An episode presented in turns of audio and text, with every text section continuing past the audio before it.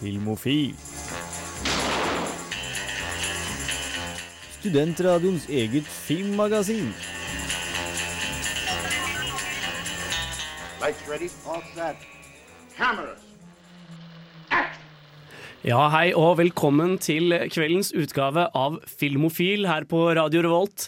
Vi har en litt spesiell sending på lager for dere i kveld. Vi skal nemlig kåre de beste filmene fra år 2000 til 2009. Å, herre. Altså forrige tiår. Det har vært en utfordrende prosess. Eh, Trine har gått lange netter uten søvn. Eh, og eh, dratt seg mye i håret. Til og med skaffa seg briller eh, for å få lage denne lista. Ja. Um, men eh, altså, så, mesteparten av sendinga kommer til å gå med til det. I studio i kveld så har vi på teknikk. Trine? Og her borte har vi også vår faste filmnerd Henning. og vår eh, lille regissør Spire.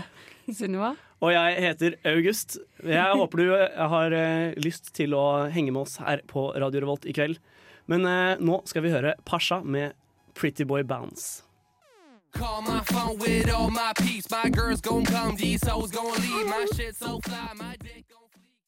Ja, eh, som eh, sagt så har vi her på Filmofil forberedt en liste til dere i kveld.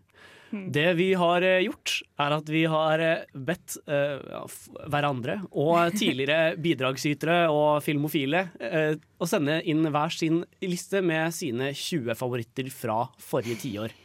Altså da år 2000 til 2009. Og eh, jeg har sittet hele denne uka med et eh, svært regneark og eh, tastet inn verdier og filmer, og det har vært, det har vært eh, mange på en måte, tunge stunder når man innser at favorittene sine ikke, ikke får plass. Det veit jo ikke vi ennå, da. Nei, og det er jo en viktig del av denne sendingen. Eh, Det er kun jeg som vet hvilke filmer som ligger på topp 10-lista per nå. Så eh, de andre i studio blir like spent, eller er, er like spente som det dere der ute er. Men, eh, men ja, hva, hva har dere syntes om arbeidet med lista? Har det vært vanskelig? Ja. Herregud, jeg tror jeg satt ned til slutt med sånn 100 filmer som jeg måtte gå igjennom. Og bare liksom OK, hva kan jeg ta bort her? Faen. Helvete. Helvete. Faen. Det var så mange superheltfilmer. Jeg hadde så lyst til å få med Spiderman 2, for eksempel. For jeg elsker, den, den kom ikke med. Det var så mange filmer for barndommen som bare ikke kom med. For jeg bare Jeg elsker fortsatt det her, men det her kan ikke være med.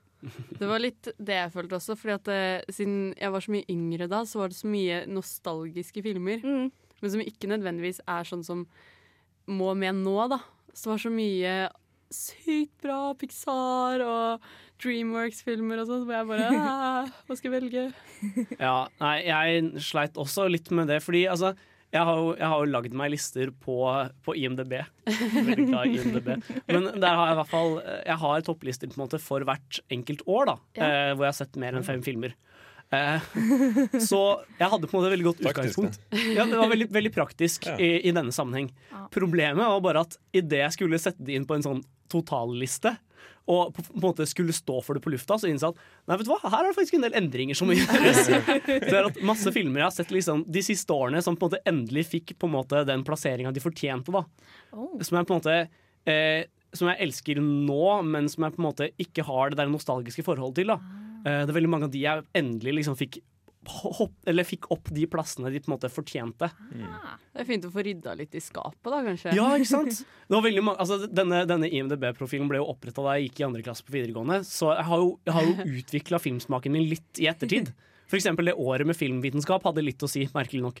Så Eh, rart. ja, pussige saker i grunnen. Så altså eh, det, det som sto der da, var plutselig ikke helt representativt for hvordan jeg følte det lenger. Er det litt som å høre musikken din fra fem år tilbake? Ja. liksom, at det er sånn, Oi, Det, herregud. det er som å finne opp igjen iP- iPoden Ja, ja, fra ungdomsskolen. ikke sant? Det er akkurat det jeg har gjort, faktisk. Og det er så gøy. Den gikk i stykker i åttende klasse, men nå funker det igjen. Og det er så rart å høre tingene Åh, så mye High School Musical innpå her. Fy faen. Mm. Beyoncé. Men ja. Eh, før vi går videre til eh, resten av eh, Eller til på en måte de første, første, første prat om hva som faktisk er med på lista, så skal vi høre en eh, liten låt. Vi skal høre Carl Lewis med 'Easy'.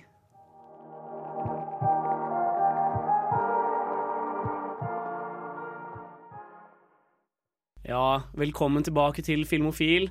Og nå skal vi gå løs på vår liste over, eh, over de beste filmene fra eh, 2000-tallet. Oh, shit. Men eh, før, vi, eh, før vi tar selve lista, så skal vi ta en honorable mentions-seksjon. For eh, vi hadde jo alle filmer på listene våre som ikke kom med. Så vi skal, eh, vi skal nå gå gjennom Gå gjennom eh, de filmene som var høyest på hver individuelle liste, som ikke kom på topp 20. Ja. Hvis, dere, hvis det er noe dere, noen av topp 20-plasseringene dere lurer på, så kan dere sjekke ut vår artikkel på radiorevolt.no, eh, som blir postet når sendingen er over. Så det er bare å glede seg. Men vi må dessverre begynne med deg, Trine. Å nei. For det var en veldig sjarmerende film du hadde med på lista di, Ja. som dessverre ikke nådde helt opp. Det var 'Kongeriket for en Ja, jeg tenkte meg det. Jeg tenkte meg det. Men det bare, den måtte med på lista mi, for den har liksom bare Den filmen har gjort som Jeg elsker den. Jeg kan liksom ha den på, så sitter jeg bare og snakker med jeg elsker den. Ja, og det, det er jo litt symptomatisk da, for en større tendens for lista, dessverre. For en av, en av de store taperne har vært animasjonsfilm. Ja. Og jeg tror det skyldes mye at alle har hatt liksom hver sin favoritt. Eh, og ingen endte opp med å stemme på de samme filmene. Og det er, liksom, det er masse bra filmer som ligger i systemet nå. Det var bare ingen av de som fikk mer enn én stemme. Nei, liksom. sant. Nei, jeg hadde ikke forventa at det var noen andre som skulle, skulle ta den med, men jeg måtte bare for min egen sånn sanity. Jeg måtte ha den med. Den var en av de siste som ble kutta fra min, faktisk. Da. Ja. Så nesten. Ja, nei, men, og det er, jo, det er jo en film fra en veldig interessant periode i, hos Disney. Ja. For de hadde veldig identitetskrise sånn midt på 2000-tallet. Eh, De hadde hatt den der gullalderen Eller andre gullalderen på 90-tallet med Ja. liksom sleger på sleger på sleger. Og så kom de til et punkt hvor det var liksom færre og færre begynte å se 2D-animasjon. 3D-animasjon var liksom greia. Men midt oppi det så klarte de å lage noen ganske morsomme og fiffige små filmer. Altså, 'Kongeriket for en lama' er jo veldig, er jo veldig kreativ. Og så syns jeg at det er en av de beste liksom, norske dubba Disney-filmene. Ja, den er sykt morsom på norsk. Det, det, det, jeg elsker den. Jeg har, en, jeg har en kompis når jeg bodde i London. Han bare, Jeg ser bare Disney-filmer på engelsk, bortsett fra Et kongerike for en lama. fordi den er best på norsk. Ja, nei, den, er, den ja, Og stilen også er sånn de, har så mange sånn hull i historien sånn, så de bare dekker over med et skuldertrekk og sånn. For eksempel en sekvens på slutten hvor du ser liksom eh, de pilene, Ja. piler som følger dem på et kart. Ja, ifølge kartet er det umulig. ja, de har falt ned i et juv, og så ser du hvordan de plutselig er inne i laben og ikke egentlig helt vet hvordan de kom dit. Men eh, nei, det er, det er en veldig festlig film.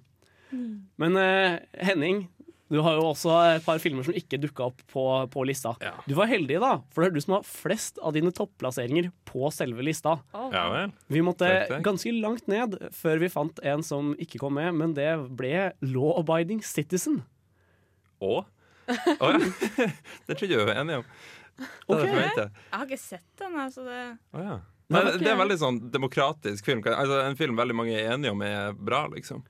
Hmm. Har jeg opplevelsen av, i hvert fall. Ja, men ja, jeg, jeg, jeg syns jo det var en helt OK film, men jeg, jeg, jeg, jeg må si jeg ikke er helt enig i moralen. den har litt sånn, den har litt Ja, sånn du, vet du hva, Den samtalen har jeg faktisk litt lyst til å ha. Fordi moralen Hva, hva er du enig i? Uenig i moralen? Eh, Litt den der at ah, nei, nei, vi må eh, En advokat skal eh, kun beskytte de, de vedkommende vet ikke er skyldige. Eh, og, hvis, eh, og hvis ikke, så må man ty til eh, sånn vigilantism. Eller ja, begynne å, begynne å drepe kriminelle selv og sånn. Det, det er jeg ikke så veldig for. Nei. Nei, jeg skjønner hva du mener. Men poenget hans altså, Poenget til Gerard Butler, karakteren hans, det var Gerard Butler og Jamie Fox. sant? Ja. de to hovedrollene. Jamie Fox, er advokaten, Ger- Gerard Butler han der sinnssyke vitenskapsmannen Hva skal jeg kalle han? han? Jeg er spent på hva Han du skal si. han nå. Når han presser Jamie Fox sin karakter til å øh, ved å drepe alle han kjenner, ikke sant? Han dreper liksom sjefen hans, han dreper nede dommeren og sånn her, ikke sant? Grunnen til han gjør det, han, pr- han pusher han hver gang han sier det, gjør at øh, Han sier du må pushe deg sjøl og gå utafor the book. ikke sant? Du må ikke følge regelboka hele tida. Og hvis du ikke gjør det, så dreper han. Og det er det han gjør hele tida. Og til slutt så gjør Jamie Foxx sånn som Gerard Butler vil. Han går imot reglene, og han tar den bomba som egentlig var plassert på rettssalen, eller hvor det var, og legger det under senga til Gerard Butler. Ikke sant? Jeg tenker Moralen i hvert fall til Gerard Butler var at Ja, den er, det, går, det å stille spørsmålstegn ved, ved, ved, ved den, men jeg føler det er en ting som blir fort oversett på den filmen. der Mm. Jeg digger det. Han får det han vil til slutt. Selv om han dør, så vant han. Fordi han klarte å overtale uh, Jamie Foxx. Spoilers. En, en, en polariserende film der, altså. Ja, den, den, er, den er underholdende, i hvert fall. Nå skal dere få Teklund med University.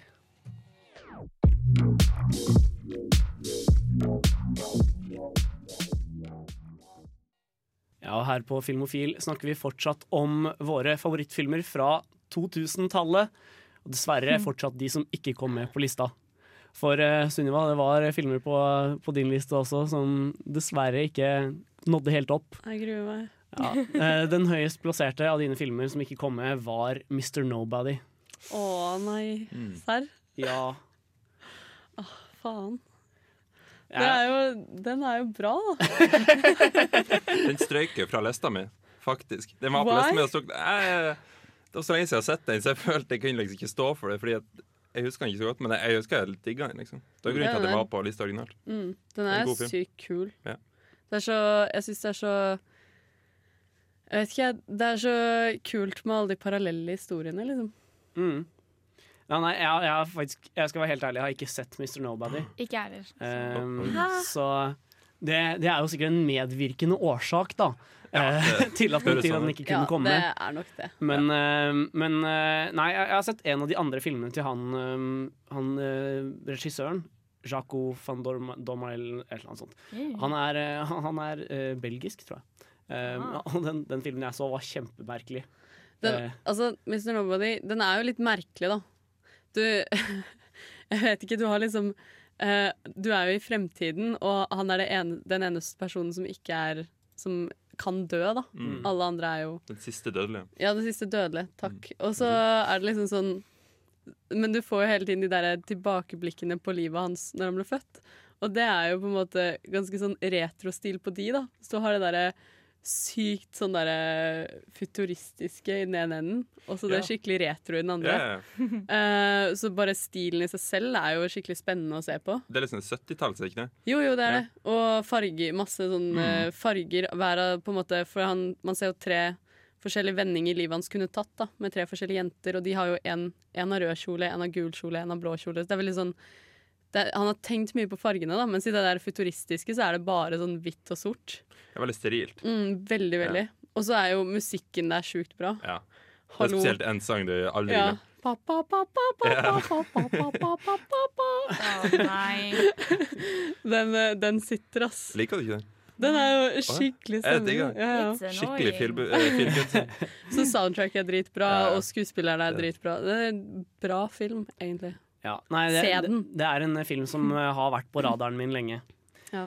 Men eh, ja. Jeg hadde jo også et eh, jeg, hadde jo også veldig trist i det jeg innså at, at den filmen jeg skal snakke om nå, ikke kom til å dukke opp på noen andres lister. Åh. Det var nemlig Hunger. Det er en Det er en film fra regissøren bak 'Twelve Years a Slave', Steve McQueen. Wow. Eh, med med godeste ah, Nå har jeg helt uh, jernteppe. Michael Fassbender i, i hovedrollen. Eh, handler om ja, Michael Fassbender er en IRA-soldat som er blitt tatt til fange i et eh, fengsel i Nord-Irland. Og de eh, fangene der driver og streiker for å prøve å få status som politiske fanger, da. Og ikke som, som terrorister. Og det er, så, det er en så viseral opplevelse. Den, den, altså, filmen åpner med at de får en, ja, han får en ny, øh, ny pjokk på, på cella si. Og de er midt i en vaskestreik. Hvor de protesterer ved å nekte å vaske seg. Så alle veggene er brune fordi de har smurt dem inn med sin egen bæsj. Og de sparer alltid et brød eh, som de tygger opp og lager sånne, lager sånne små murer av, som de setter opp foran døra, og så heller de urinet sitt ut i gangen.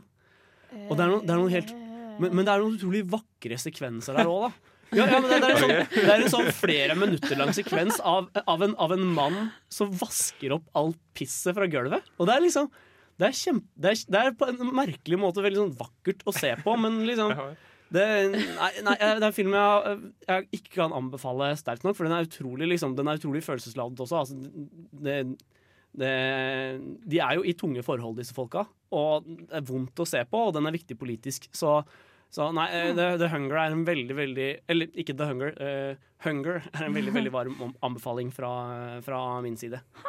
Den, eh, det- jeg, det, den er en av de som på en måte endelig nå fikk status som Nei, vet du hva, den er bedre enn de jeg så på videregående.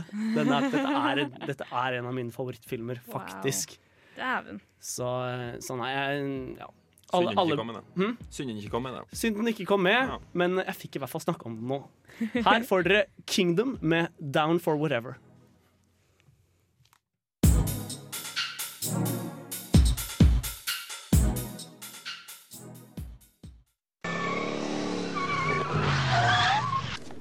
My calculations are correct. When this baby hits 88 miles per hour, you're gonna see some serious shit. Du hører på Filmofil på Radio Revolt. What did I tell you? 88 miles per hour! Ja, og her på Filmfil snakker vi i kveld om våre favorittfilmer fra forrige tiår, altså 2000 til 2009. Og nå skal vi gå helt opp til tiendeplass på, på lista. Og dette var kanskje den filmen på eh, hele topp 20-lista som overraska meg mest. Det er nemlig Love Actually. Jeg, jeg ble også overraska når jeg hørte litt mer så For liste lister som ble lagt ut på nettet på forhånd, og det var mange av de som Love Actually på. Synes jeg. jeg vet ikke, det var en så elska film. Nei, det, det, var, det var særlig det at den Hallo. Det var, det var særlig det at den dukka opp på førsteplassen til, eh, til eh, fi, Frida. Til Frida, ja. Eh, som, som, det, var- det som sørga for en plass på lista, i grunnen. Ja. Det overrasker ikke meg at Frida har den på første, da. Egentlig. Jeg kjenner Frida. Det er veldig Frida, Ja. eh, men førsteplass er også veldig høyt, da. ja. Det er noen som elsker Love Actually så mye. Mm. Nei, For personlig så er det en film jeg har litt sånn Jeg, jeg likte den veldig godt da jeg gikk sånn i tiende klasse. Ja. Eh, den, er, den er jo kjempesøt. Veldig Eh, søt. og har veldig mange søte fortellinger på en gang. Mm. Men samtidig, når jeg har sett den opp igjen litt sånn i senere tid, så er det en del av filmhåndverket der jeg ikke nødvendigvis er sånn kjempefan av. Jeg synes for eksempel Altså, soundtracket er bra, men resten av musikken ganske Ja. Eh, altså, jeg eh, elsket den veldig da jeg gikk i fjerde klasse og så den første gang. Eh, og det har ikke tapt seg. og hallo, det soundtracket er jo så Det er så mange sånne catchy sanger. Ja. Altså Selv om det kanskje ikke er sånn Det er kanskje ikke sånn den beste å blande de, så er det veldig sånn derre jeg, kan- jeg kan stå i dusjen og høre på de, da. Og så kan jeg tenke å, det er den scenen i Love Actually. Ja, du skulle ha vært med på filmquiz på tirsdag, for på, det var sånn musikk musikkquiz med score og sånn, og så kom Love Actually-scoret. Det var fantastisk. Altså når Joni Mitchell Den sangen liksom Og hun finner ut at eh, nei. når, ja, jeg kan, Emma, når Emma alert. Thompson Oh, finner oh. ut at uh, Snape har vært utro Eller Alan Rickman. da.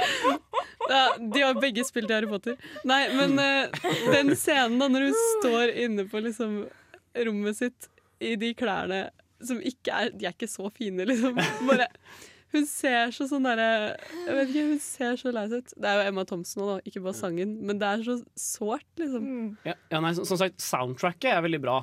Det er, den, det er scoret jeg ikke oh, ja, liker. Okay. Uh, for eksempel den der, den der, Det er en sånn melodi som kommer hver gang noen er forelska. Ja, sånn ja, ja. kjærlighetstema. Mm. Den, er- det er, nei, den takler jeg ikke i det hele tatt. Det, Jeg blir det er så bra at det er litt kliste, da. Hallo! Ja, ja, men det er ikke bare, det er ikke bare klistret, den er også litt sånn, litt sånn dårlig. Den, den kommer vel når de sitter i bilen med hun mm. Nei, den kommer hele Ja, tida. jeg vet det, men jeg husker spesielt når de sitter i bilen der. Han, det er Colin Firth, og så er det hun Ja. eh, Er det bulgarsk hun er? Nei. Portugisisk, tror jeg. Ja. Og så sitter de inne i bilen der, og hun har liksom gått ut, og han har ikke turt å si at han elsker henne. Og så skal han kjøre ut på veien igjen, og så krasjer han. Ja. Mm. Ja, nei, nei, nei, det, er veldig mange, det er veldig mange minneverdige scener der og sånn. Ja. Um, jeg tror vel bare liksom jeg, jeg, Det er vel, handler vel mer om at jeg nå er blitt såpass filmsnobb at jeg, en, jeg, jeg kanskje syns filmspråket generelt blir litt, litt dølt, da. Ja, og har du lyst på mer Actually, så kommer det en sånn liten sånn En bitte liten sånn oppfølger i morgen på Red Nose Day. Jeg gleder meg så sykt.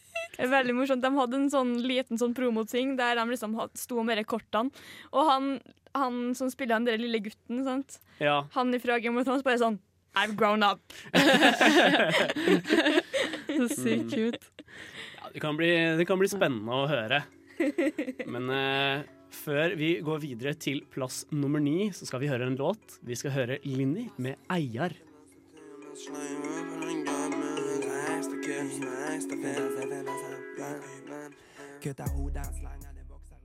Ja, da er vi over på film nummer ni på vår eh, kåring i kveld. Og film nummer ni, i motsetning til, eh, til Love Actually, som var forrige film, eh, overraska meg ikke i det hele tatt. Um, for Christopher Nolan er en elsket eh, skikkelse her på Filmofil, og her får vi Og niendeplassen er altså The Prestige. Oi, faen. Eh, neppe en stor overraskelse for noen. Satt meg under bordet. Hold for ørene. Ja, for du har ikke sett The Prestige. Hvordan har du klart å unngå det? Jeg har starta å sette den, så jeg har bare slått den av. Altså, Men, men, men hvorfor? Fordi jeg, var, jeg, jeg følte meg ikke helt opp for det akkurat da. Det, det, det har veldig mye med syke å gjøre når man sitter og ser film. Og er hvis man ikke helt føler for det, så må man jo bare slå av. Jeg orker ikke å liksom slave meg gjennom Jeg har jo lyst til å se den en gang, men Mm. jeg vil bare komme meg gjennom den i rett humør. det er jo det er viktig å være Eller i hvert fall med de beste, eller de jeg forventer mest av, så vil jeg være i skikkelig riktig humør. Ja. Og jeg syns ikke at eh, Trine skal få noe kjeft for det, for jeg så den ikke før i høst, faktisk. Ah, nei, mitt, mitt første møte med The Prestige var en ganske komisk situasjon. egentlig Eh, vi, eh, det, var, det var en venn av meg som skulle dra på utveksling til USA, og som inviterte til sånn der, siste filmkveld før, vi, før jeg stikker. Eh, og så hadde han bestemt seg for at nei, la oss se Så 7. Åh. Og, og, vi, og vi begynte på den og var litt sånn eh, Ja, hun dama ble sagd i to midt på en plass. Eh, ja. Nei. Nei. La, la oss se noe annet. Så vi The Prestige i stedet for, som er bare sånn totalt motsatt ende av skalaen. Eh, så var, jeg er veldig glad for at, jeg, for at det var den vi endte med å se den kvelden. da. Men, uh, men nei, det er jo um, det er jo en veldig sterk film. Mm. Det jeg kom bort fra. Det var vel du av oss som hadde den høyest på lista di, Henning. Ja, den var på topp fem. Mm. Jeg tror den var på fjerdeplass, hvis jeg husker riktig. Det- Fjerde eller femte. Den glemte jeg å legge inn, for jeg kom på den. Og så glemte jeg å legge den i lista mi. Hvor ville du hatt den? Ja? Nei, det, du kan ikke, vet du hvor mye jeg har slitt for å lage en lista? Skal jeg komme og begynne å fikse på det på så- lufta? Liksom? Nei, det går ikke. Nei, vi kan jo ta kjapt om handlinga òg, da. Eh, det, det handler om to eh, tryllekunstnere i eh, ja, London på 1800-tallet.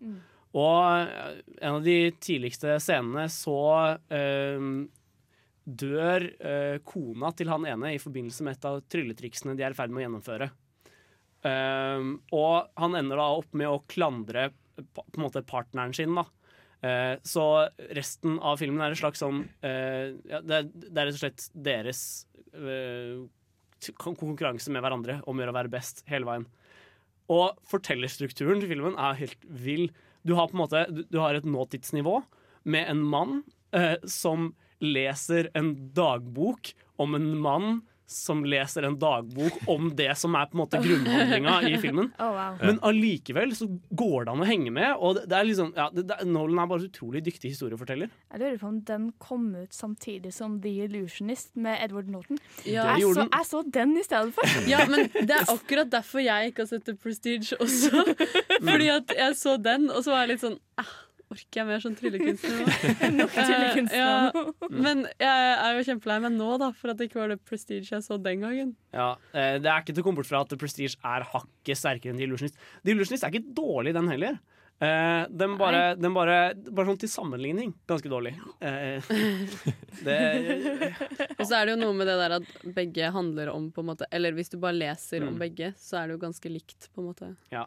Nei, det handler litt om at hvis, hvis eh, to studioer har to veldig like skrift liggende, Ja. og noen begynner å lage den ene, så er det sånn Shit, noen vil lage den andre før dette skriptet ikke har noen verdi lenger. Eh, og så får du to helt like filmer helt likt. Og Sånn. samtidig. Hmm? Og samtidig. Eh, ja. Ja. Men filmene er jo ikke like når jeg har sett de. Nei, Det er mer sånn når du på en måte hører om de, så tenker du sånn her, OK, jeg gidder Ja. ikke enda en sånn De er, nå. de er vanskelig å markedsføre på en måte Eller det hadde vært veldig vanskelig å markedsføre den ene etter den andre. på en måte Ja. Mm. Men eh, nå skal vi bevege oss videre. Vi skal ta en aldri så liten uh, låt. Men uh, ja, det er bare å bli, for etterpå skal vi snakke om åttendeplass. Kontroversielt, I know. Men uh, ja, her får dere i hvert fall Frank Ocean med Chanel. My guy pretty like a girl, and he got five stories to tell. I see both sides. Ja, og nå er vi klare for åttendeplass på lista vår.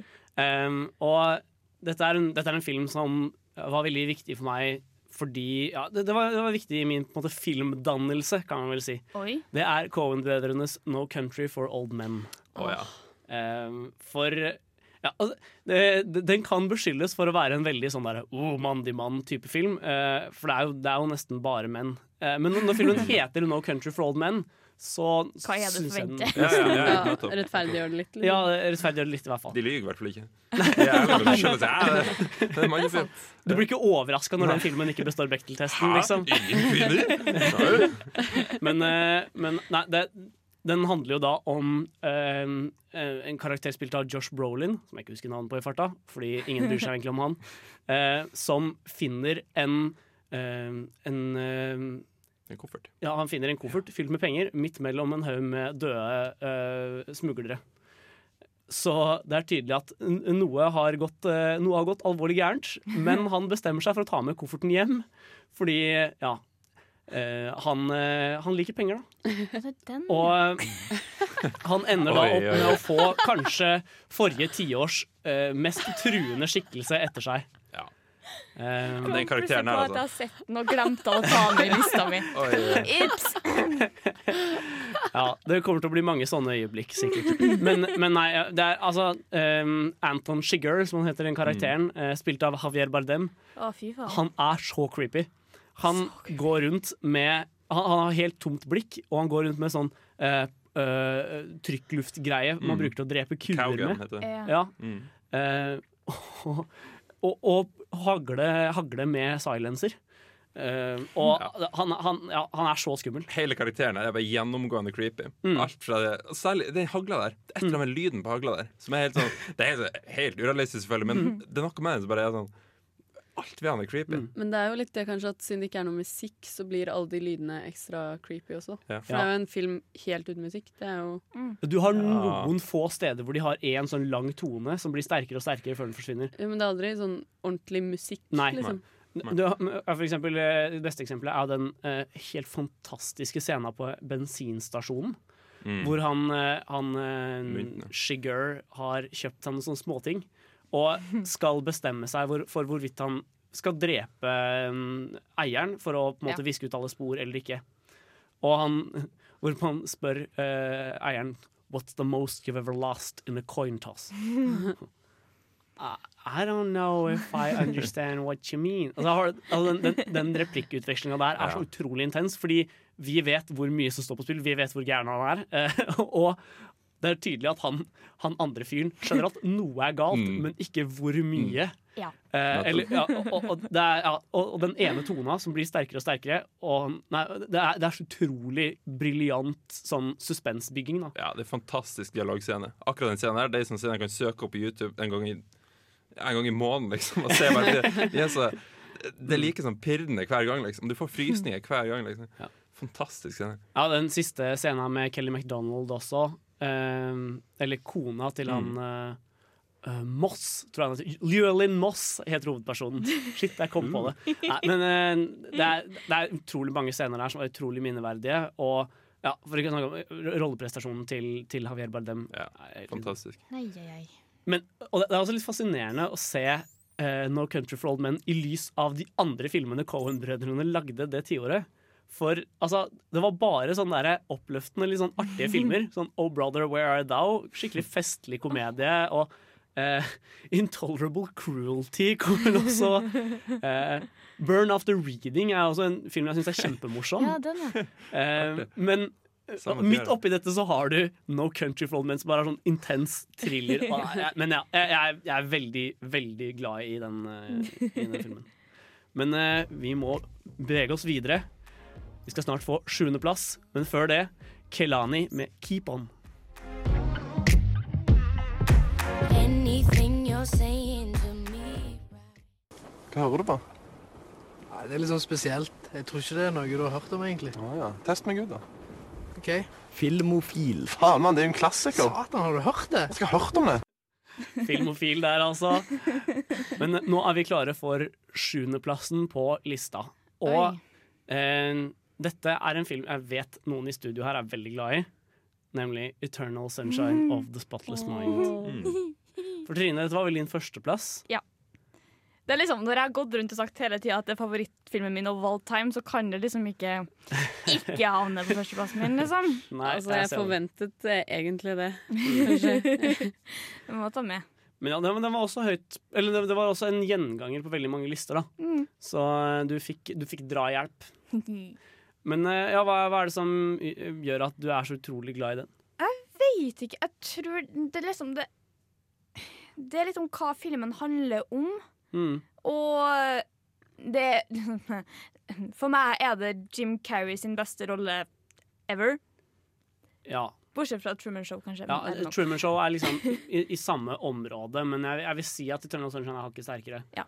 Men det er bare den tanken om at du kan fjerne en person, liksom minne av en person eller flere, eller ting du har opplevd da gjennom livet, og bare kan slette. Og etter hvert så kommer det på bare sånn, vent litt. Selv om jeg har veldig mange dårlige minner med dem nå, så har jeg veldig mange bra fra før av, som egentlig er ganske fint å se tilbake på.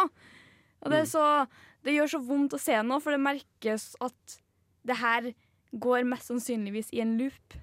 De Ja. gjør det jo mest sannsynligvis bare hele tida. Så det gjør bare mer og mer vondt desto mer jeg ser på. Mm. Ja, nei, det er, for Filmen handler jo om et par som etter en liksom problematisk kveld bestemmer seg for å slette hverandre fra Ja. Eller fra, fra hverandres minner. da Fordi det, teknologien til det finnes i fremtiden. Og filmen er jo basically bare en reise gjennom hodet til Jim Carrey sin karakter. Joel, er det ikke? Joel heter han. Uh, Idet minnene hans blir sletta. Ja. Og det er så utrolig det er, så, det er så smertefullt å se. Altså, For, det første så leder det jo til en utrolig absurd og, og morsom film, Ja. vil jeg jo si. Fordi det skjer mye rart i hodet til noen som er i ferd med å miste deler av hukommelsen sin. Og så er jo hun sin. Kate Winslet litt eh, ja. Um, ja. Men, men, men bare, bare de, den reisen gjennom på en måte hele deres forhold fra slutt til, til start, da, hvor på en måte gladere og gladere minner forsvinner. Det er en Ja. herlig scene hvor han liksom innser hva han er i ferd med å miste, Ja. eh, og blir totalt frustrert. Det er så utrolig smertefullt, men så utrolig sant, da. Fordi ja, jeg føler jo mye av moralen her er at selv de mest eh, smertefulle delene av livet vårt er en viktig del av livet Mm. vårt. Som, ja, er, som vi ikke, ikke bare kan kvitte oss med uten å miste en viktig del av oss selv. Da. Og hvem har liksom ikke drømt om å slette en person eller eh, Mm. sånt Ja. fra livet sitt? liksom Mm. Og gå tilbake på de valgene man har gjort og sånn. Jeg, jeg er mer fan av sånn tanketankmodellen, hvor jeg kunne tatt noen av tankene mine og bare lagt dem i en Ja. tank, og så liksom det bare vært så deilig, det. latt, dem- latt dem ligge der en stund. Kunne eventuelt fiska dem opp igjen hvis jeg trengte dem. Kan, kan jeg få spore av litt og spørre spørsmål? Har noen sett Klikk? Nei. La oss ikke, vi snakker ikke om klikk.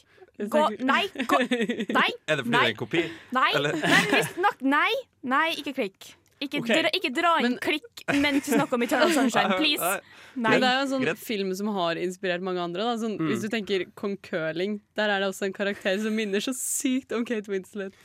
I, eh, det der med Oh. Hun driver og maler eh, bilder med håret sitt, og så har hun sånn masse farger i håret. Og da tenker jeg så sykt på Kate Winslet i Ja, for hun har jo forskjellig hårfarge gjennom hele Ja. filmen. Og så er de litt sånn like sprø, på en Ja. måte.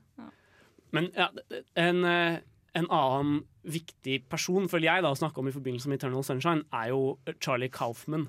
Ja. Eh, han som skrev manus til filmen. For han er kanskje den mest han er, Bortsett fra Tarantino, kanskje den manusforfatteren det snakkes mest om. Mm. Er Han og, han og Aaron Sorkin, kanskje. Eh, og han lagde jo mange sterke filmer eh, forrige tiår. Særlig Adaptation er jo Ja. også en film eh, jeg veldig gjerne kunne hatt på min liste, på en måte. Det er og, altså, Being John Malkovich er også fra 99, Ja, men, det er men samme, det er samme, Ja. samme manusforfatter. Fordi det merker du. ja, ikke sant? Det er så Eh, godt når de har litt sånn derre At du merker Å ja, det er han, ja, Mm. som har gjort det. Og han, han har, han har en veldig egen stil på manusene sine. Og ja, jeg føler det er veldig verdig Eller ja, det, er, det er veldig godt å ha med i hvert fall én film av eh, han på, eh, på lista. Men eh, nå skal vi bevege oss enda, enda videre i sendingen. Vi skal snart få sjetteplass og alt mulig. Men før det skal vi høre Baya med 'It's Over Today'.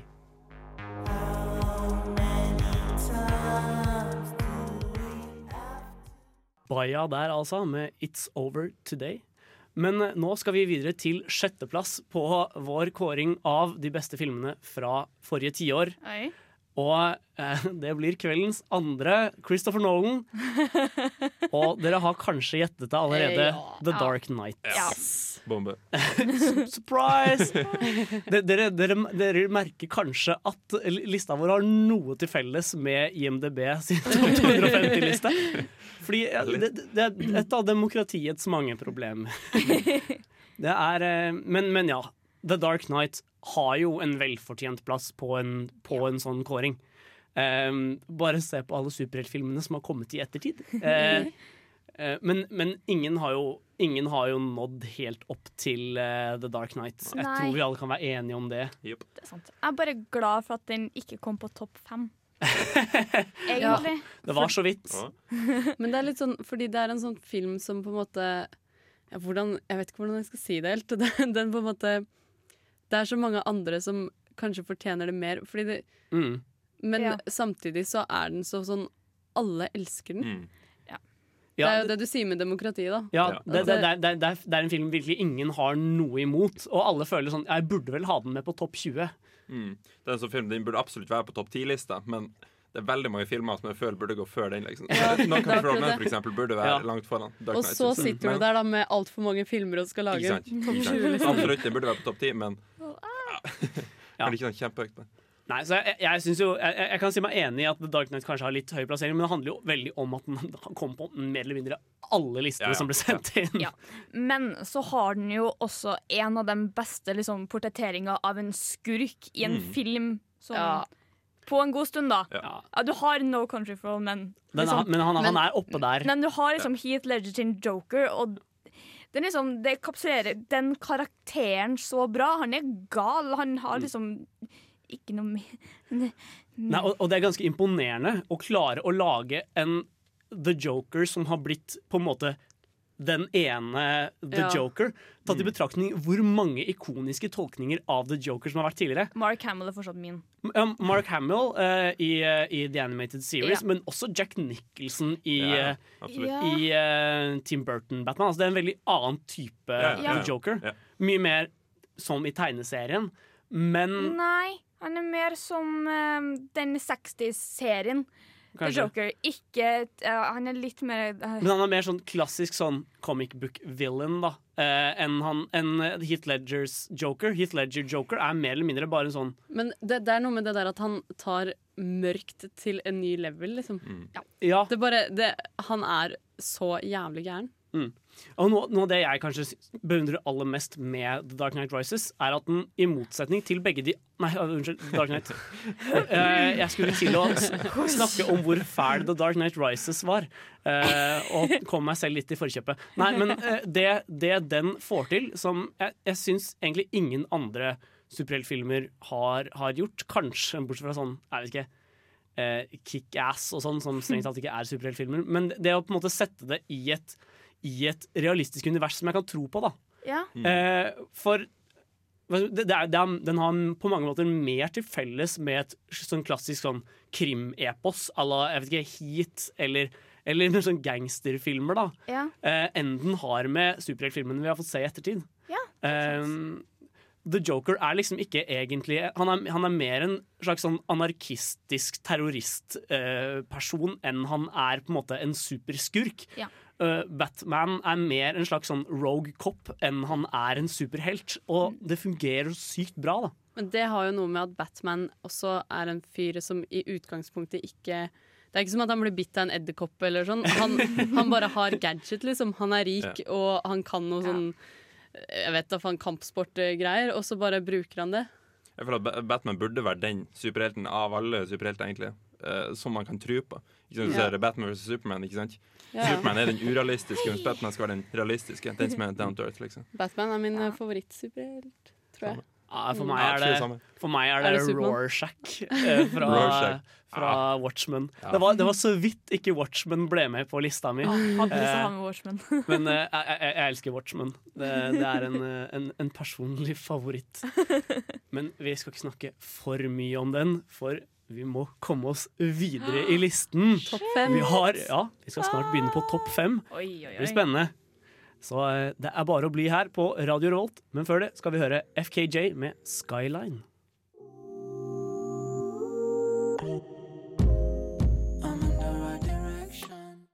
Ja, nå beveger vi oss inn på topp fem på vår kåring over 00-tallets beste filmer. Ja, hva annet skal man kalle det? 2000-tallet. Ja, men da får du plutselig med liksom, de siste får- årene også. Og så blir 2000-tallet, da høres det ut som du snakker om 1000 Ja, ikke sant? Ja. 1000 år. Ja, Eh, så ja, jeg vet ikke. Vi, vi, vi, kan, eh, vi, kan, eh, vi kan ta den diskusjonen en gang. Ja, jeg tror vi For nå skal vi snakke om en, en film som nok en gang står mange nært. Vi skal snakke om 'Children of Men'. Ja. Ah, Det var vel, eh, det var vel din nummer to sci-fi etter, eh, etter 'Eternal Sunshine'? Jeg merker jeg har litt sånn deprimerende filmer. Men ja, jeg, jeg, så en, jeg så opp igjen en analyse av den nå, eh, som, som jeg hadde sett for liksom sånn, eh, et år sia, men ikke tenkt noe videre over. Og det å se den på nytt etter brexit og alt det der, var sånn Ja, shit. Det, det, dette begynner å bli ganske liksom realistisk. Det begynner å bli mer og mer skummel, den Ja. filmen. Eh, for altså, filmen er jo satt til et slags sånn fremtidssamfunn hvor menneskene har mistet evnen til å få barn. Ja. Eh, ingen har fått eh, barn på 18 år, vel? Ja, det Og verdens yngste person dør helt i starten av filmen. Ja. Det er en sånn nyhetssak. Og eh, på en måte ja, man mister, Menneskeheten har på en måte mistet håpet, da. Når, når man, eller er i ferd med å miste håpet når man Ja. ser at man eh, ikke får på en måte ført arten videre.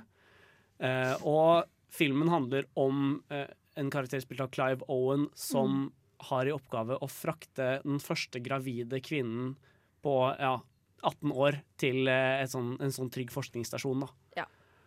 Og ja, den, den, den var overraskende aktuell å se, å, å på en måte en gjenbesøke, fordi altså Den er jo satt i Storbritannia, som er det eneste landet som ikke har kollapset til anarki.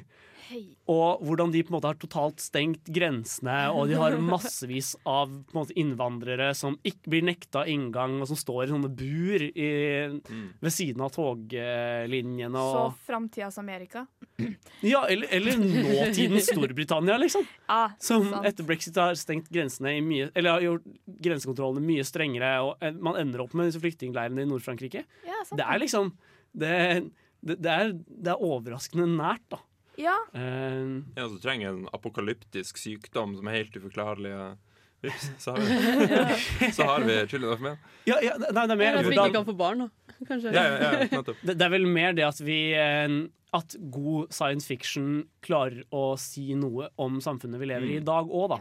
Ja, Eh, for selv om, selv om den er satt til et fremtidssamfunn, så er det så er, altså, så er den overraskende aktuell. Du kan jo helt klart trekke paralleller. Mm. Mm. Ja, og det er så rart å tenke på at denne kom i eh, 2006, var det da den kom? 2006, 2007. Er den så gammel? Ja, og så føles den så utrolig Eller så har, så har den plutselig blitt så dagsaktuell nå. For jeg så den i jula, faktisk. uh, og det var liksom Ja, jeg tenkte overhodet ikke Altså, jeg tenkte mye mer at det var lagd nå pga. aktualiteten. Da. Men en annen ting som er, man er nødt til å nevne i forbindelse med denne filmen, er jo nettopp filmspråket.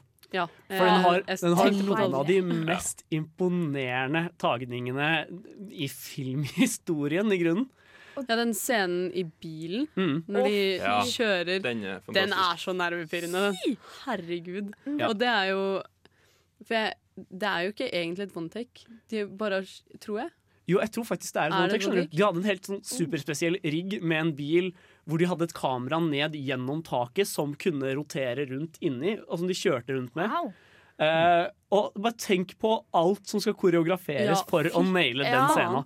For de kjører jo rundt den svingen, og så mm. kommer det noen biler inn foran dem og på siden i skogen. Men før det så har de eh, Hatt en kjempelang dialog. Ja, og sendt pingpongballer rundt i bilen Ja. og masse rart. Ja. Og så kjører de rundt i sving, så kommer det en brennende bil ned foran. Masse folk på motorsykler Ja, og som de begynner å begynner å jage dem. skyte på dem og sånn, og så snur de vel rundt. Mm. Ja, det, det, den scenen er helt, helt sinnssvak koreografere. Og ja. Det er jo som med farge, fargepaletten til filmen òg. Mm. Alt er jo bare dystert og jævlig. Fordi De- det jeg tenkte på, var jo egentlig senere i filmen. Mm. Der skjuler de klippene sine skikkelig godt, når de går alle de trappescenene. Eh, ja, det Ja, for den, den det er juks på one take. Den shootouten mot slutten er Mm. en, er en jukse-one-take. Ja. Men herregud, den delen av det som er one-take, er jo også helt sykt Ja, ja. imponerende. Altså, ja, den eh, Men det- de, de løper, løper masse rundt gjennom en sånn, en sånn havneby for ja, flyktninger som skal deporteres, og Ja. masse skyting. Det kommer blod på linsa. Det liksom de, Det er et ma... det- Den, den er ganske magisk sånn Mm. film. But, det er en veldig magisk film. Jeg Ja. Selv om det er deprimerende. Ja, det er det, Jeg tror det er, en, det er jo en av mine favorittfilmer of all time. Jeg bare- Og så har jeg Manchester by the Sea, som kom ut i fjor. Alle filmene jeg liker, er bare trist. Hva, sier, hva faen sier det her om meg som person? Nei, men eh, vi trenger triste filmer òg. Ja, vi gjør det. Det vekker jo følelse, da. Det er jo det viktigste. Ja. ja, sånn som, sånn som for meg, da, som eh, ikke så ofte er veldig trist, så trenger jeg å kjenne på de følelsene, jeg også. Det trengs. Men eh, før vi går videre til fjerdeplassen på lista, så skal vi høre Iffy Orbit med Let It Go.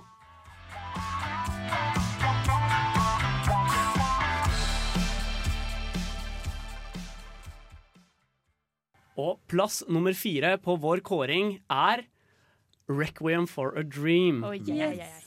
Og dette var, en, dette var kanskje den filmen som dukka på aller flest lister. Eh, det, var, det var veldig få som ikke hadde den der. Jeg var overraska over at du ikke fikk Ja. plass til den, Henning. Hadde ikke det. Jeg, jeg, det, så- jeg så den igjen før, ja, før jul en gang, Mm. og da beit den ikke, rett og slett. Mm. For jeg har sett den to ganger før, og da elska jeg den. Det var på gråten, liksom. Men når jeg så den igjen nå før jul, så Nei. Jeg syns den er så sterk, jeg. Den hadde tapt seg på av en eller annen rar grunn. Jeg forstår det ikke helt. Men Kanskje det var dagsformen. Hvem vet. Men uh, i hvert fall, filmen handler jo om uh, en gruppe på fire mennesker, vel. uh, som eh, har hvert sitt møte med forskjellige rusmidler, da. Mm. Um, du har to unge gutter, han ene er spilt av Jared Leto, eh, som bestemmer seg for å begynne å selge litt weed for å på en måte prøve å hm? weed, er det du sa? Ja, jeg, Det er vel heroin? Er det, ja, de, Ja. ja, de driver med litt forskjellig. Ja. Ah, ok. De er innom det, me jeg de er innom det meste. De driver og røyker noe greier i starten, i hvert fall. Um, Ja, det gjør de kanskje. Men eh, i hvert fall, de bestemmer seg for å begynne å selge eller lange noe, noe dop, da. Ja, får du vondt i armen? Trine? Ja, jeg òg. For um, Selvfølgelig. Selvfølgelig. For å kunne tjene inn til å liksom stifte sitt eget uh, firma og sånn, da.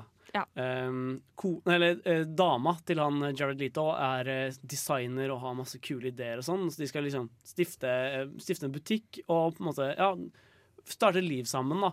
dette det skal bare være springbrettet. Ja. Og moren hans, eh, spilt av Ellen Burstyn, helt fantastisk rolletolkning fra henne, mm. um, har fått beskjed om at hun skal komme på TV. Um, sannsynligvis en sånn slags svindelgreie. Ja. Og um, bestemmer seg derfor for å begynne å slanke seg for å komme inn i den røde kjolen sin. Mm. Eh, og får da noen slankepiller fra doktoren sin som viser seg å ikke være så veldig sunne. Nei. Og eh, filmen handler jo da om på en måte deres sånn nedoverspiral. da. Eh, i, ja. Fra på en måte å være trivelige og omgjengelige folk til på en måte dophelvete. Ja. Egentlig så burde det, man ha, jeg burde ha skjønt det når jeg først så filmen. Fordi det, liksom, det, start, det går liksom med årstidene. Det starter Mm. vel med vår, gjør det ikke det? Ja, eller sommer, jeg husker ikke helt, men det er i hvert fall eh, Nei, det må starte med vår for å slutte med vinter. Ja. For det slutter når alt går til helvete. Ja, så pluss at de sitter jo ute og soler seg med de der brettene Ja. på starten. Mm. Ja. Så det går liksom vår, sommer, høst og vinter, tror jeg. Ja. Og altså, filmen heter jo 'Requiem for a Dream' av en grunn, og det var fordi eh, Darren Aronofsky, som som hadde et veldig sterkt tiår. Eh, lagde den som et rekviem for den amerikanske drømmen. da. Ja. Eh, han mente at den amerikanske drømmen var død, og at på en måte eh, det, en, det eneste den vil lede til, er ja, eh, dophelvete. da. Ja. Og den tematikken kan man liksom vagt spore i de fleste av de andre filmene hans også. Det med at folk hele tiden prøver å komme seg opp og fram og på en måte står på for sitt eh, Eller følger de kapitalistiske idealene, da, og det ender opp med å gå til helvete for alle sammen. Ja. Eh, Du kan se det både i The Wrestler og Black Swan og The Fountain også, bare litt mer implisitt. Um, så altså, nei, Aronofsky, veldig, veldig veldig spennende filmskaper. Og 'Requiem for a Dream' er kanskje hans største film. Da. Man må kanskje si noe om det filmatiske i denne også. Mm. Fordi det er jo helt Det er utrolig bra klippa. Ja. Det er jo helt Det gjør jo så mye. I alle fall Hvordan når klipp- de er høye. Ja, hvordan klippestilen også endrer seg jo mer de blir, blir into liksom Ja. dopet, da. Ja. Og ja. Det er så mye ved den filmen som på en måte gjør den fargene. De der pillene til hun mora. Ja. Mm. Det er vel tre forskjellige farger. Ja. Jo. Og hvordan hun liksom sorterer de, og så når hun tar de, så kommer det sånn klipp etter hverandre av at hun tar én av hver farge. Og, ja. Ja, og den er, det er noen sånn, Hun skal jo prøve å slanke seg på vanlig vis først, og det er noen Mm. herlige bilder av hun som skal få sånn grapefruktkur. Ja. Ja, ja, Og på en måte spiser én bit av grapefrukten, og så sitter du der og er kjempesulten, og så ser du det forsvinner litt mer av grapefrukten. Ja. Og det er, altså, det er så Det er så utrolig eh, Det er veldig utrolig hva de klarte å skape med et så lite budsjett som de hadde. da For dette er jo, dette er jo skikkelig indie-film. Eh, Darnowski har jo blitt stor på indie-scenen i ettertid. Og så har du ting som bare sitter igjen med deg hele tida. Det er en Ja. grunn til at jeg går rundt og Ja. har vondt i armene nå, for at det er en Det er veldig grotesk. Det er noe av det ekleste jeg har sett på film. Det er bare- Den scenen med den armen. Du ser liksom Jared Letto sin karakter har tatt litt vel mye. Han har fått betennelse i, Ja. i sånn sprøytesåret sitt. Ja, så det er liksom svart og stort høl og bare Blodårene er svarte oppover, og det er bare så, det, det er så dødt, liksom. har aldri vært så redd for et kjøleskap heller før. Ja. Ja, men så, så det, er, det, er en, det er en, rett og slett en film med veldig veldig imponerende både Ja. håndverk og skuespillerprestasjoner. Og ja, det at de klarte å dra i land en så ambisiøs film med et så lite budsjett, er også ja, nesten helt uforståelig. Det er fantastisk. Heldigvis har han fått mer eller, ne, heldigvis, jeg på har han fått mer penger å rutte med etterpå. Men ja, det ble noe av, da. Men før vi går videre til en liten pause, skal vi høre 22 av You Are Creating med You Are Creating. For every step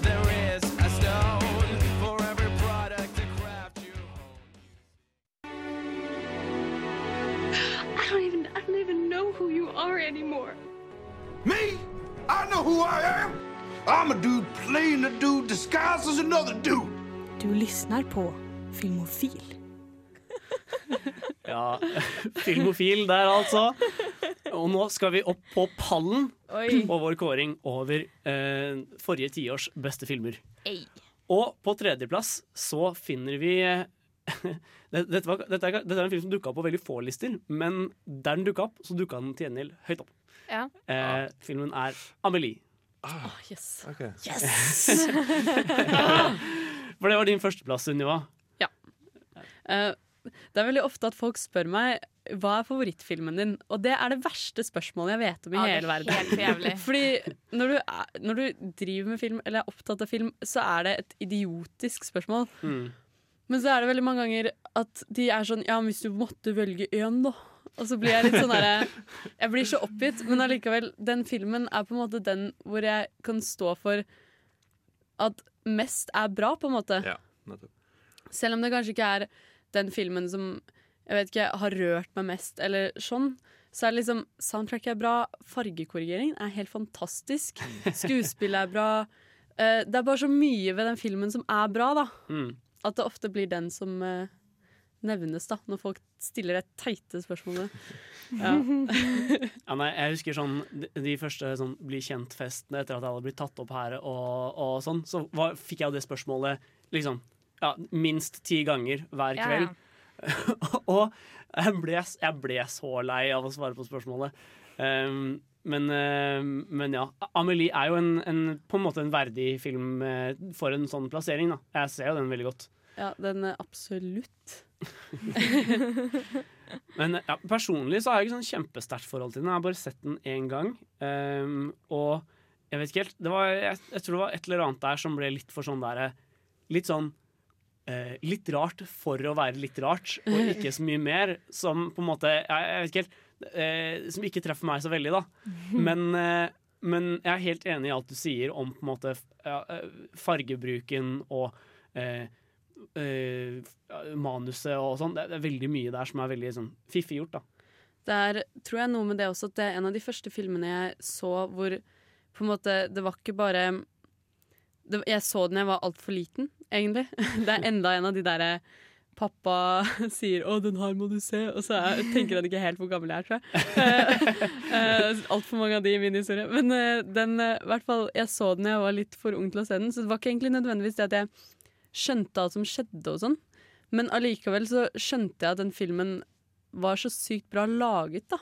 Det var noe mer, Jeg var ganske ung, og alle andre filmer var mer sånn ha-ha, den var morsom, eller å nei, den var trist. Men den her var sånn shit, den var bra lagd. Gang, en av de første gangene jeg tenkte det om en Mm. film, tror jeg. Jeg har bare sett den én gang, samme som deg, August. Eh, Det er likt Som du sa, det er litt vanskelig å velge én ting du liker spesielt godt med, fordi den er så gjennomgående bra, liksom. Ja. Mm. Spesielt musikken, vil jeg si. Ja, hallo. Det vet du sikkert, men uh, musikken er fantastisk. Veldig sånn, sånn leken, på en måte. Og det er litt det jeg liker med, det jeg liker med resten av filmen òg. Humoren til å være Amelie. Digger den, fordi hun er så, hun er så barnslig, liksom. Det er Men- nydelig. Også fargebruken er barnslig. på en måte. Det, det er noen scener hvor det føles litt ut som det er en animasjonsfilm, nesten. Ja, fordi at det er sånn så det, overdrevent. Ja. Ja. ja, det er litt sånn surrealistisk, nesten. Men, digger det. men det, er jo, det er jo noe med Amelie også, da. Fordi Mm. at den karakteren Hun er jo liksom Hun er jo dritsjenert, og hun er så inni seg selv. Hun har blitt beskyttet hele barndommen mot verden. Mm. Eh, etter morens død så har faren liksom bare holdt henne eh, Og siden han tror hun har et hjerteproblem, noe hun ikke har i det hele tatt. Men uh, det der med at hun, eh, hun er så beskytta, hun har blitt hjemme, eh, gått på skole hjemme i sitt eget hus, og liksom Og så er hun Hun er så skjønn for det, da. Hun har, altså, hun eh, begynner jo med at, det begynner jo med at hun har lyst til å prøve å hjelpe mennesker Mm. som hun egentlig ikke kjenner. Hun bare oppdager at oi, han trenger hjelp med det, eller han trenger hjelp med det. Og så tør hun jo ikke helt å hjelpe dem. Hun finner jo et sånn skrin i leiligheten sin, og det er fullt av sånne gamle minner, og hun har lyst til å gi det tilbake til en fyr, og hun leter opp han fyren, men hun tør jo ikke å gi det til han personlig. Hun må liksom klekke ut en eller annen sånn plan, da. Og det er så søtt. Og så samtidig som du har alle disse småhistoriene, så har du den der kjærlighetshistorien med han fyren. Og hun tør jo overhodet ikke å legge an på han heller. Og hun, hun er bare så elskelig, da. Å, wow, det høres ut som meg. Herregud. Du blir så glad i henne. Altså, eh, Amelie er en film alle, alle burde ha sett. Altså. Ja. Jeg tror den er et, den er et gjensyn. Trine! Trine! Nei, nei, nei. Nei, Den er nok et gjensyn verdig fra min side også. Men før vi går til andreplass, skal vi høre Swindale med Just Right. What's that sound up in my ear? False whispers try and drop me near. I done seen Ja, og nå er vi i ferd med å gå inn på de aller siste plasseringene på vår liste over forrige tiårs beste filmer. Oi. Og på andreplass så har vi, har vi en av mine, mine aller største favoritter, eh, nemlig Ringenes herre-trilogien. Ja, den måtte jo komme som en trilogi, da. Ja, vi valgte å plassere den som én film. Eh, ikke egentlig fordi det er på en måte én film, men fordi det er et verk. Altså, det er veldig unaturlig å skulle skille de, i hvert fall er det det for meg. Ja. Har Så så hadde det blitt dumt hvis alle hadde én favoritt av de tre, og så Mm. Ja. For at Hvis jeg skal sette meg ned og se det, så setter jeg meg ned med litt sånn extended edition og Ja. ser alle tre Du på en setter av natta, Ja, liksom. jeg neddag. Jeg gjorde det forrige påske, Fordi Mm. går, de går generelt på TV3 i påska. Mm. Så jeg bare sånn, jeg fant ut i fjor bare Jeg har extended edition, så i stedet for å se det på TV3 med buttloads med reklame. Ja, det blir feil, setter meg ned og ser extended edition i stedet for. Og så er starten på Extended så bra når de snakker om Hobbit. Det er jo ikke bare det som er bra i Extended. Nei da, Eh, nei, men og jeg bare det- elsker åpningen. Jeg er ganske sikker på at vi alle er enige om at det er Extended Edition-versjonen som teller. For Ja. den kom Ja. også på 2000-tallet.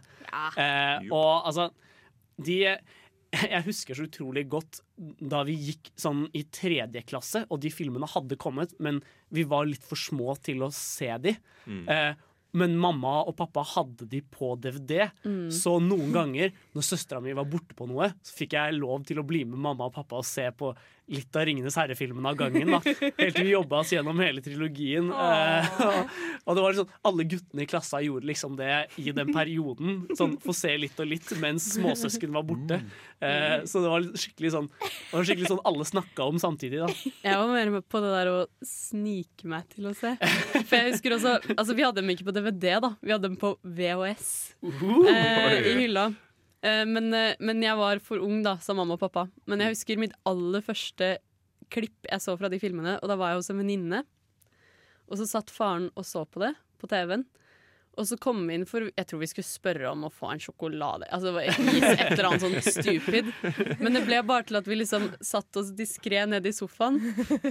Og liksom startet en litt sånn samtale rundt det der istemaet for å få lov å sitte og se på. Og det var Aragorn da, på hesten, liksom. Med sånn sverd.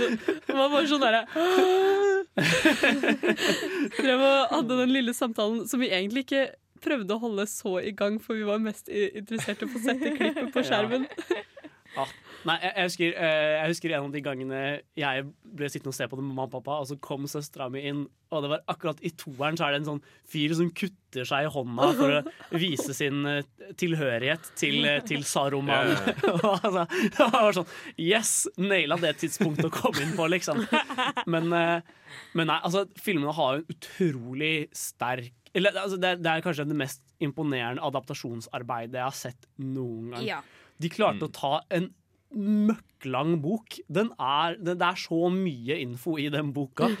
Og, å komprimere det til tre filmer som nesten alle viser seg å være fornøyd med. Ja. Selv min mor, som er den største Tolkien-nerden noensinne, eh, som har liksom en full bokhylle med eh, analyser av Tolkien sine verker, liksom, er kjempeglad i de filmene. Hvis mamma skal slappe av en, en, en kveld, hvis hun virkelig trenger liksom, nei, nå, nå skal jeg roe ned, da, da setter hun på eh, Ringenes herre-bonusmateriellet.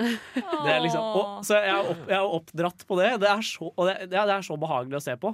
Det er få ting som får deg til å liksom lene deg tilbake mer enn litt Ringenes herre-bonusmateriell. Litt blod og gørr og Nei, nei, men bonusmateriellet er jo veldig, veldig snilt.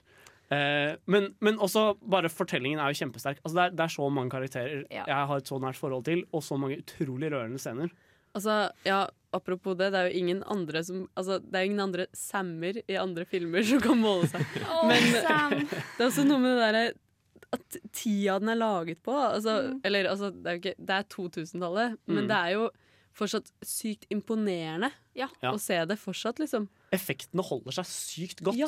Fordi de gjorde så mye praktisk at Mm. på en måte de snek mer animasjonen inn, eller CGI-en der det trengtes, da, der det var strengt nødvendig. Ja. De satt jo og kneppa ringbrynjer for hånden, vet du. Ja, ja. Det, er så, det er så mye der som er laget fra grunnen av, at på en måte de få CGI-elementene glir så glatt inn. Mm. Jeg har hørt noen tall på det, hvor mange tusen sett med rustning som var laget i filmen. Det er helt latterlig hvor mye penger det er.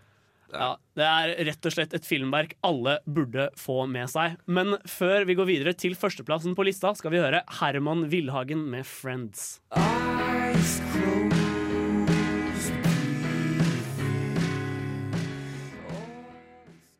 Og nå har vi kommet til det store øyeblikket. Førsteplassen oh, på, på Filmofils liste over de beste filmene fra forrige tiår Wow. Er Inglorious Bastards. Ja. Man, man, man, eh, man eh, skulle nesten tro at jeg hadde juksa med resultatene, men det var faktisk eh, de tallene jeg fikk inn også. um, Inglorious Bastards er jo den filmen jeg typisk uh, siterer som min favorittfilm. Rett og slett fordi jeg så den i eh, i tiende klasse på 15-årsdagen min med pappa på kino og syntes den var kjemperar. Skjønte ingenting av den. Eller jeg skjønte jo noen ting av den. Jeg lo når de sa 'bonjourno' og sånn, men altså uh, Utover det Grat, ja. Gorlami. Gorlami, altså. Men, men eh, i hvert fall, jeg så den på nytt et par år senere og bare sånn Wow, dette er jo, dette er jo en fantastisk film. Så, og jeg endte opp å se alt av Tarantino, og plutselig studerte jeg filmvitenskap, liksom. så, så det har vært en veldig viktig film for meg, da, og jeg er veldig glad for at vi fikk den så høyt opp på lista. Jeg kan si at det var førsteplassen min. Mm. Var det med deg? Var det Eh, førsteplassen din. Ja, det var førsteplassen min. ja. Altså, jeg syns ikke den fortjener nummer én. Sånn, altså, jeg hadde den på lista mi, Mm. det hadde jeg. Men det er litt sånn Ja, eh, eh, nummer én? Ja, jeg, jeg kan helt klart se den personen, men det, det er mer det at den er så utrolig sånn ja, jeg, det, det er en sånn film jeg ikke klarer å skille følelsene mine fra. da Ja. um, Som jeg ikke klarer å se på objektivt. Og når jeg prøver å se på den objektivt, så er det jeg ser utrolig bra, det også. På en måte det er jo, altså, bare, bare håndverket der er jo, det er jo helt vanvittig. Ja, ja, det er jo det. Eh, Samme her, det er en film jeg ikke klarer å skjelle eh, fra følelsen min. Det var egentlig akkurat samme historie. For jeg, jeg så den litt for tidlig, og så så jeg meg på nytt og på nytt og på nytt fordi jeg fikk den på DVD til jul. Eller noe sånt. Den filmen har jeg sett så mange ganger. Jeg blir aldri lei av den. Jeg har ikke sett så den før i, før i eldre Eller altså når jeg har vært litt eldre, da. Men Nei. for meg så er det ikke, det er ikke topp av Tarantino engang. Liksom. Å ja, den er nummer én på liksom Tarantino-lista mi. Men jeg tror jeg hadde, jeg hadde Ja. den på ellevteplass på lista mi. Mm. Men det er fordi at jeg har så mye andre filmer som bare plutselig bare går. Ja, den var, den var vel representert på listene til alle i studio, Ja. hvis jeg ikke husker helt gæli. Så sånn det, det har jo vært Og det var ganske bred enighet i, eh, blant også de gamle da, om at, eh, om at dette var en film vi ville ha med. Men det var, det var våre to førsteplasser som liksom bikka den over toppen. Og altså, plottet er jo helt ellevilt. Eh, Brad Pitt skal lede en gruppe jøder som skal på en måte ja, eh, skal lede en sånn terrorgruppe bak Ja, Geriljajøder, liksom. Ja, bak, bak eh, fiendens linjer, parallelt med at ei dame prøver å sprenge en kino med masse nazister i. Det er liksom det er, det er, det er, og, og noen av scenene der altså Vi har snakka om intense dialogscener tidligere i kveld. Å, fy Men faen i den, ja. den kortskallescena Uh, hvor de sitter Ja. nede i den Ja, baren under bord, når de skyter under bordet. Eh, Ja. uh, og skal prøve å skjule fra en SS-offiser at, de at de er briter og amerikanere. Ja.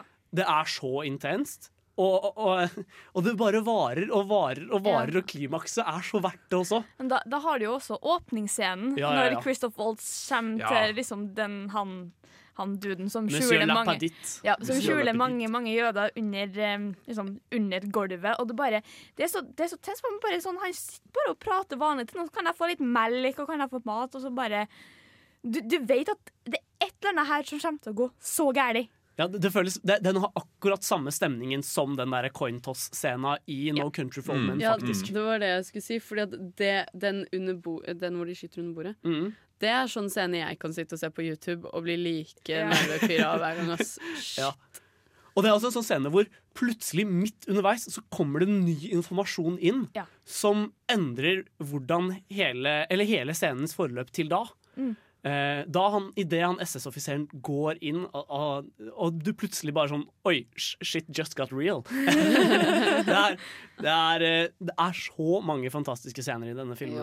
Eh, og, og også Christoph Waltz sin karakter i det hele tatt. Det, det er jo ja, hans beste Ja, skuespillerprestasjon. han, han har aldri vært i nærheten av den rollen i ettertid. Nei. Inglorious Bastards er rett og slett en en, en, en film Ja, det, det er en vinner. I hvert fall i mitt hjerte. Og mitt. ja. ja. Hvor ble det av Wes Anderson? Egentlig sier jeg mitt da. ja. Vi får, eh, vi får nok snakket mer om Wes Anderson ved senere anledninger. Neste ti år siden, jo. det kommer også Ja, på vår, liste, eller vår fulle topp 20-liste på hjemmesida. Nå får dere KLLO med Baldy.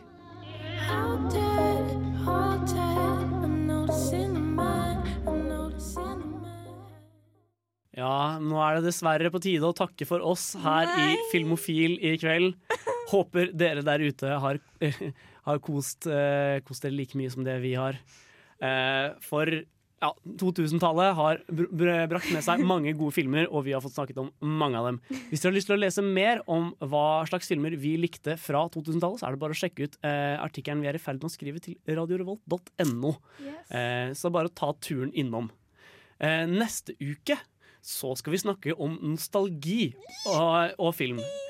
Så ukas hjemmelekse for neste uke blir Toy Story 3. Og det er mange her i studio som gleder seg til å snakke om det, og jeg tror, eh, jeg tror det kommer til å bli bra. Så det er bare å komme tilbake om en uke for mer Filmofil på Radio Revolt. Og ja, nei, det har, vært, eh, det har vært en glede å gjennomføre denne sendingen her sammen med dere. Yes. Men før vi tar Eller eh, som et farvel skal vi høre Mats Vava med 'Smoke On The Water'.